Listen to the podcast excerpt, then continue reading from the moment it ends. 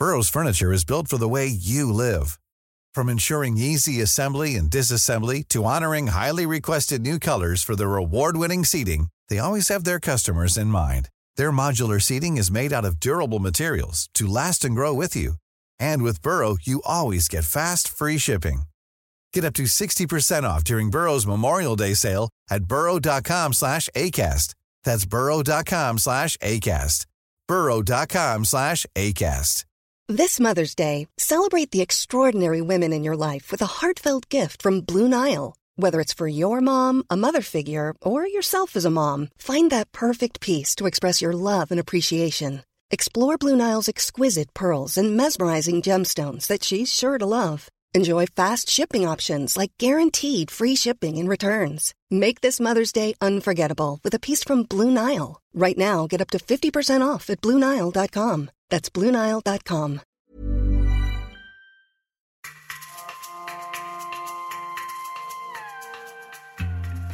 السيارة ألماني والتياب إيطالي والكمبيوتر ياباني والفيلم أمريكي والتصميم فرنسي منضل بنسمع هالحكي لوصف أجود الصناعات بالعالم. مجموعة بلاد متقدمة مسيطرة على سمعة الصناعة الممتازة بالدنيا. وعم تلحق دول تانية جديدة. صحيح مو بنفس السمعة بس كمان بتلاقي في تطور بالصناعة على مدى السنين. مثل ما كانوا يقولوا مثلا من 30 40 سنة لا تأخذ الكوري مو منيح هلأ نص العالم حاملين سامسونج كوري وبيشتروا سيارات كورية طيب ليش بلاد عندها هالصناعات وهالسمعة وبلاد لا وليش ما بنقول إنه هالقطعة ممتازة شغل الجزائر أو العراق أو مصر شو رأيكم يا شباب؟ نسميه من بيت؟ لا بالمرة سميه شجرة حبيبي من بيت يا شباب وين فكر حالك عاد. معك حق بيت. بس لا ليش حتى أنت يا شباب عم أفتح؟ المعجم؟ آه، من بيت من مرادفات كلمة أصل؟ وإذا أخذنا الأصل الجذر اللغوي. أهلين وسهلين ومرحبتين ببودكاست من بيت. من إنتاج صوت معي أنا بشر نجار.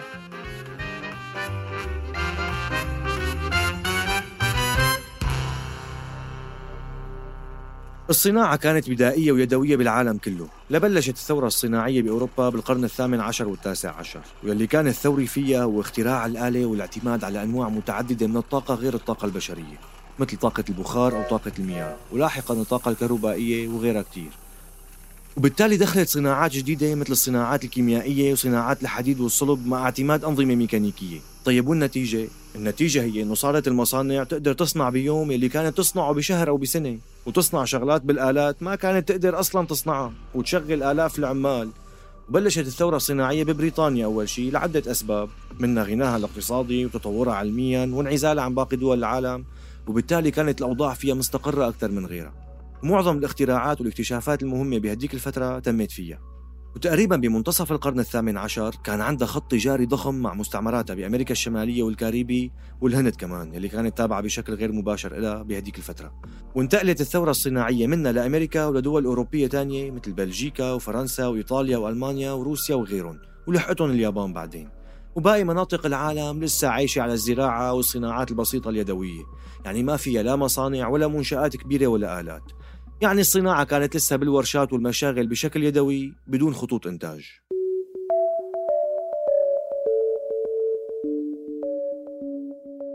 الثورة الصناعية كان لها أثر كبير على الحياة الاجتماعية والاقتصادية للإنسان بهي الدول. أثر على معظم تفاصيل حياته اليومية لدرجة أن العلماء بيعتبروا هي الثورة الصناعية نقطة تحول بتاريخ البشرية بأهمية اكتشاف الزراعة وتربية الحيوانات. النمو الاقتصادي ارتفع بشكل صاروخي ودخل الفرد ارتفع معه. ورافق هالشي طبعا تطور عسكري واقتصادي وسيطرة أكثر وتوسع أكثر طبعا تطور الصناعة وتراكم الثروات بأيدي أصحاب المعامل ساهم بشكل كبير بظهور وترسيخ الرأسمالية بأوروبا واعتماد التجارة الحرة بين الدول. يعني الدول ما بتتحكم بالأسواق العرض والطلب هن اللي بيتحكموا بالأسعار. يعني مثلا عندك كرسي بدك تبيعه أنت حر تحط له السعر اللي بدك إياه وأنا حر أشتري أو لا.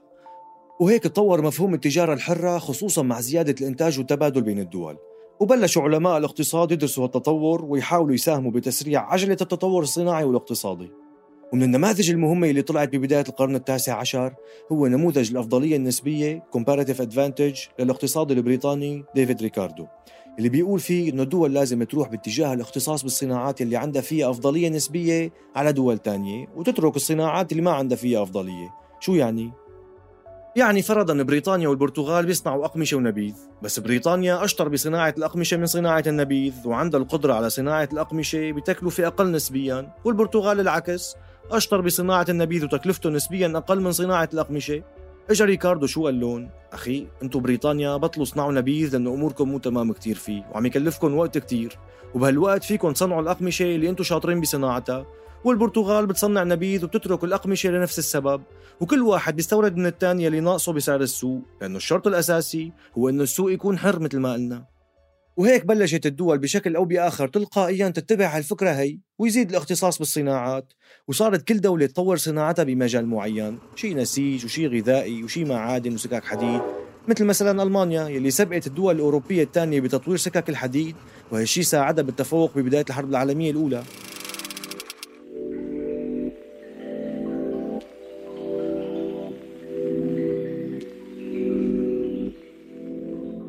تراكم الخبرات بهي الدول مع سياسات الحكومات الداعمة خلت الصناعة فيها تتطور بشكل كبير والاختصاص بلش يصير أوضح مع مرور الوقت. يعني بنشوف صناعة الآلات الثقيلة بألمانيا من أقوى الصناعات بالعالم لأنها راكمت معرفة وخبرة بهالصناعات على مدى أكثر من قرن.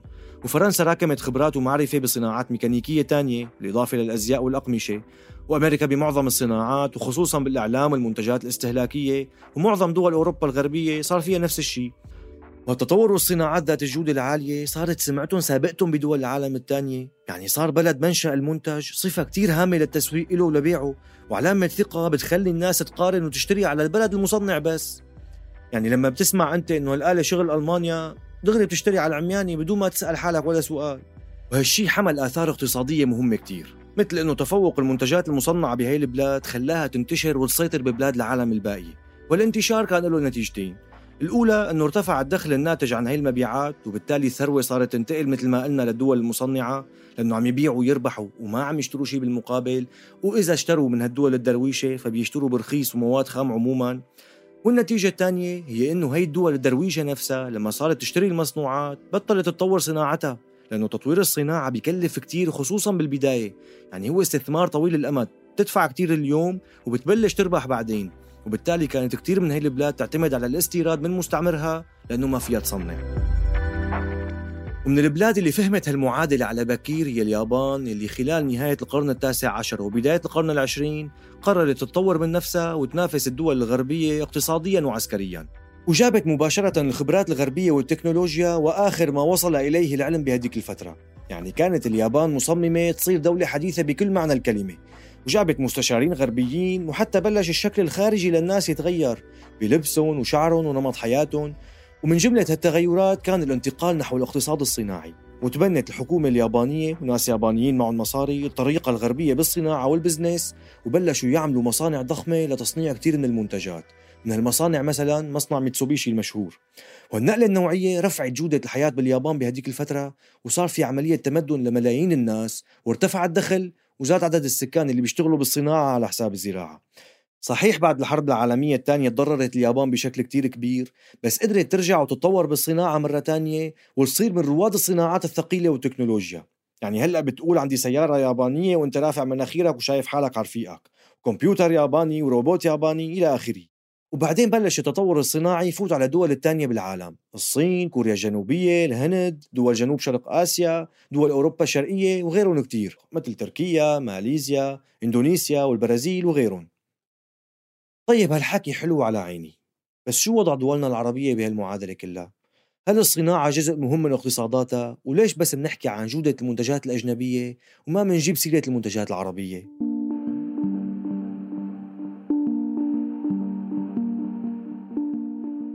لنجاوب على هي الأسئلة لازم نرجع بالتاريخ لورا شوي. للقرن التاسع عشر لما بلشت الدول الأوروبية وخصوصا بريطانيا وفرنسا يصير في لها اهتمامات بمنطقة الشرق الأوسط وشمال أفريقيا ويصير في احتكاك بينها وبين السلطنة العثمانية وسكان المناطق هي. ومن أولى المناسبات اللي صار فيها احتكاك مباشر بين العرب والغرب بالعصر الحديث هي الحملة الفرنسية على مصر والبعثات الاستشراقية. وبعدين زاد التدخل الأجنبي خصوصا مع ازدياد ضعف السلطنة العثمانية اللي بلشت تخسر أراضيها وتكون الطرف الأضعف في معاهدات تعملها مع دول مثل بريطانيا. ومن ضمن بنود هي المعاهدات كانت امتيازات لبيع البضائع البريطانية بالأسواق العربية مثل الشام ومصر. بالذات الصناعات النسيجية اللي نافست المنسوجات المحلية وتفوقت عليها لأنه سعرها وتكلفتها أرخص خصوصا أنه مصنعة بالآلات الحديثة بالنسبة لوقتها.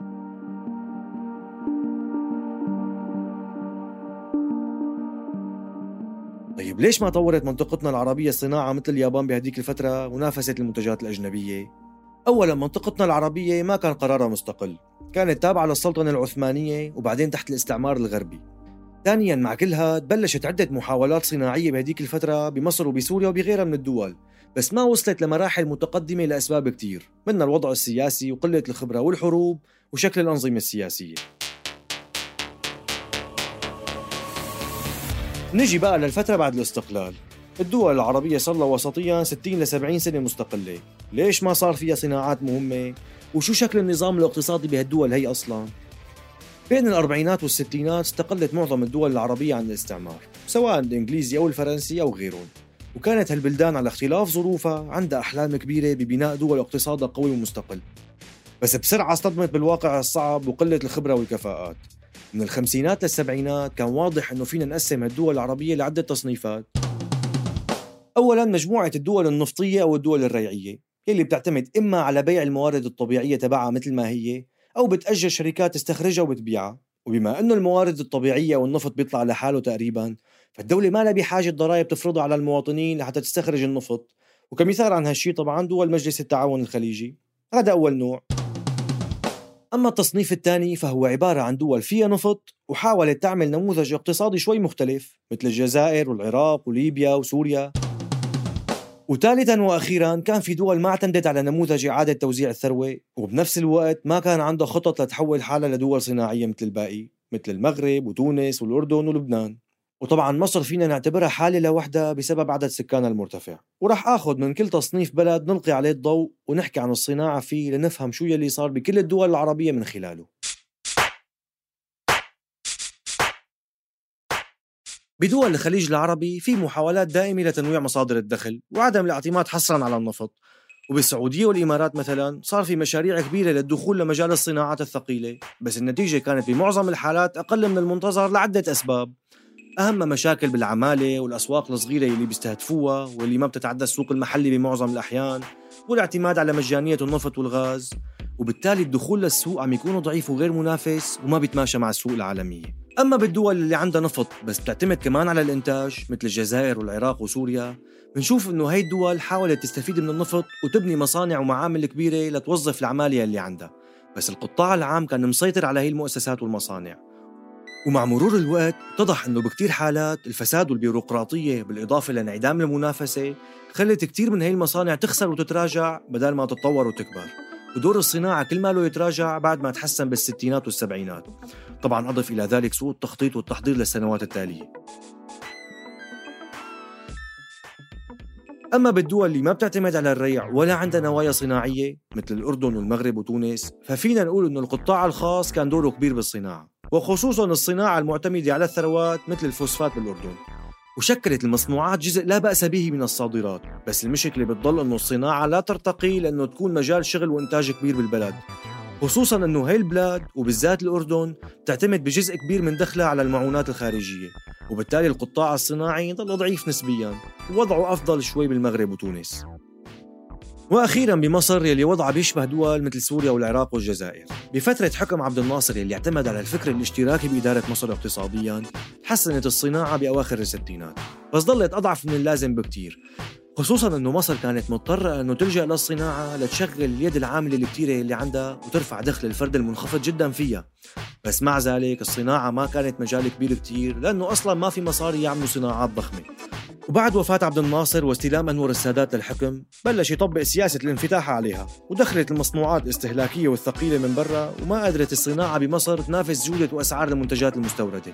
وهيك صار تراجع كبير بدور الصناعة بالسنوات التالية.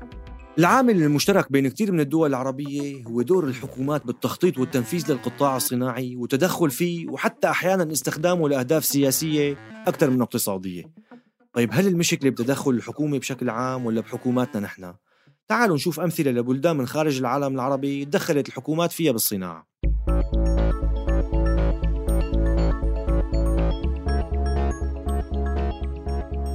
بكوريا الجنوبية مثلا الحكومة كانت ترسم الخطط للقطاع الصناعي بالستينات والسبعينات والثمانينات وتتدخل بوضع أهداف القطاع هذا بالحقيقة كوريا مثل ما بنعرف حققت نجاحات كبيرة على مدى عقود من الزمن وكل ما عم تتطور ويتحسن اقتصادها. يعني مثلا بالستينات حطت الدولة خطط لقطاع صناعة السفن وبالسبعينات للآلات والمعدات الخاصة بالطاقة النووية وبالثمانينات بالإلكترونيات ووقت الحاجة الدولة بتستثمر بشكل مباشر لدعم قطاعات الصناعة اللي بتشوفها ضرورية وبتعمل مؤسسات لتساعد بمتابعة وتطوير هي القطاعات وبتساهم بتمويلها واستخدام أحدث التقنيات لتطورها. يعني منشوف الحكومة بهي الحالة كمحرك فعال للنمو الصناعي. مو بس بالدعم المالي ودعم المشاريع الصناعية بل بالقوة والتماسك والاندفاع اللي تعطيهم للقطاع الصناعي. والنتيجة بنشوفها حاليا قدامنا الصناعة الكورية من أفضل الصناعات بالعالم خصوصا بالإلكترونيات والسيارات. وسامسونج خير ودليل عم ينافس بشكل أو بآخر شركة أبل وياخذ منها جزء من السوق. بعد ما كانت كوريا طالعة من حرب بالخمسينات ومدمرة بنشوف وين صارت وبنتحسر أما بمعظم الدول العربية فمبدئيا بكثير من الحالات تستخدم الصناعة لأهداف سياسية. مثل إثبات توجه اقتصادي مثلا أو احتواء يد عاملة بحاجة شغل. والنتيجة بتكون تضخم بالعمالة بالمصانع والمؤسسات وخسائر كبيرة سببها قلة كفاءة الإدارة وعدم تدريب الموظفين والعمال. وقبل هيك وهيك عدم وجود رؤية أو تخطيط مدروس لمدة طويلة من الزمن والاكتفاء بالتخطيط الشكلي بدون دراسات على أرض الواقع. ودفع رواتب قليلة لهالعمال اللي معظمهم ما له شغل بس مخلينه بالمصنع لحتى ما يصير في بطالة. وهي الحالة تسمى بالبطالة المقنعة. اللي بيكون فيها الموظف على رأس عمله بس ما في إنتاجية. وعلى المستوى الكلي وما يسمى بالماكرو ايكونومي فالدول العربية الريعية وغير الريعية ما قدرت تعمل نموذج صناعي مستدام ومتطور تقدر تدخل فيه للسوق العالمية وتنافس. وكان دائما الاعتماد على أموال النفط أو الأموال الخارجية لدعم القطاع الصناعي يلي المفروض يشيل حاله لحاله ويربح ويصرف على ملايين العمال. بس أحيانا كان يستخدم كواجهة لا أكثر. كثير من الباحثين بيشوفوا الحل بالقطاع الخاص القطاع اللي دوره كبير كتير بالدول المتطورة الرأسمالية. بس بمعظم الدول العربية ما سمح للقطاع الخاص بالبداية بأنه يكون له أي دور. بس مع الوقت ومع ضعف القطاع الخاص بلشت دول مثل مصر وسوريا والجزائر وغيرهم يفتحوا الباب نصف فتحة للقطاع الخاص بحيث أنه يسمحوا له يدخل لكن بالشركات ذات الأحجام الصغيرة والمتوسطة. ليش؟ لأنه الشركات الكبيرة الخاصة ممكن تأثيرها يكون كبير ويهدد سيطرة الحكومات سياسيا واقتصاديا على البلد. يعني ممكن تفلت الأمور شوي من ايدهم خصوصا إنه هي الأنظمة بهي البلاد ما بتحب يفلت شيء من إيدها ابدا.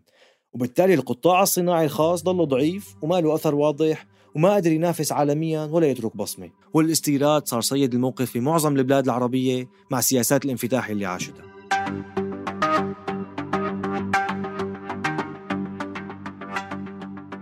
بالنهاية وبعد هالاستعراض السريع منشوف ليش ما منقول إنه هي الآلة أو هي السيارة أو هذا المنتج مصنوع بدولة عربية ونحن مبسوطين وقاصدين إنه جودته عالية. أكيد مالي سوداوي ومتشائم كليا. في دول عربية عم تشتغل على تطوير الصناعة فيها حاليا مع وجود عقبات أهم قلة الاستقرار بالمنطقة العربية. بس أكيد لا يخلو الأمر. طيب إذا فرضنا بأنه أول ثورة صناعية صارت بالقرن الثامن عشر باختراع الآلة واستخدام طاقة البخار. والثورة الصناعية الثانية صارت بالقرن التاسع عشر مع بدء الاعتماد على الكهرباء. والثورة الصناعية الثالثة صارت بالسبعينات من القرن العشرين مع بدء استخدام الإنترنت والمعلوماتية والاتصال السريع. وحاليا عم نعيش الثورة الصناعية الرابعة المعتمدة على الذكاء الصنعي والروبوتات وال nano technology وال big data والتصنيع الشخصي. طيب شو السؤال يا بشر؟ السؤال هو إنه دولنا العربية عند أنو ثورة صناعية لساتها واقفة؟ ولا هي خارج التغطية بشكل عام وما لها علاقة بهالتطورات كلياتها. لأنه مثل مو شايفين الفجوة بين الثورة الصناعية والتانية كل ما عم تقل وما حدا عم يستنى حدا. فبتمنى نبلش نلحق هالناس ونركب بقطار الصناعة معهم ونبلش مباشرة بالثورة الصناعية الرابعة. ويجي يوم هيك وحدا ألماني يشوف حاله قدام رفيقه ويقول له اشتريت سيارة عراقية. أو ياباني يقول هو مبسوط إنه اشترى كمبيوتر مغربي أو مصري. وتصير جملة صنع في دولة عربية صفة صناعة ممتازة وعالمية. ونشارك هالبشرية بصناعة المستقبل لأنه عنا القدرات البشرية والطموح. بس ناقصنا شوية ظروف أفضل.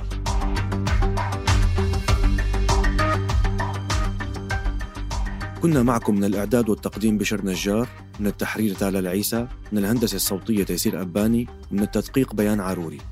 أما النشر والتوزيع فأشرفت عليه كل من مرام النبالي وجنى قزاز. تركنا لكم المصادر بالوصف.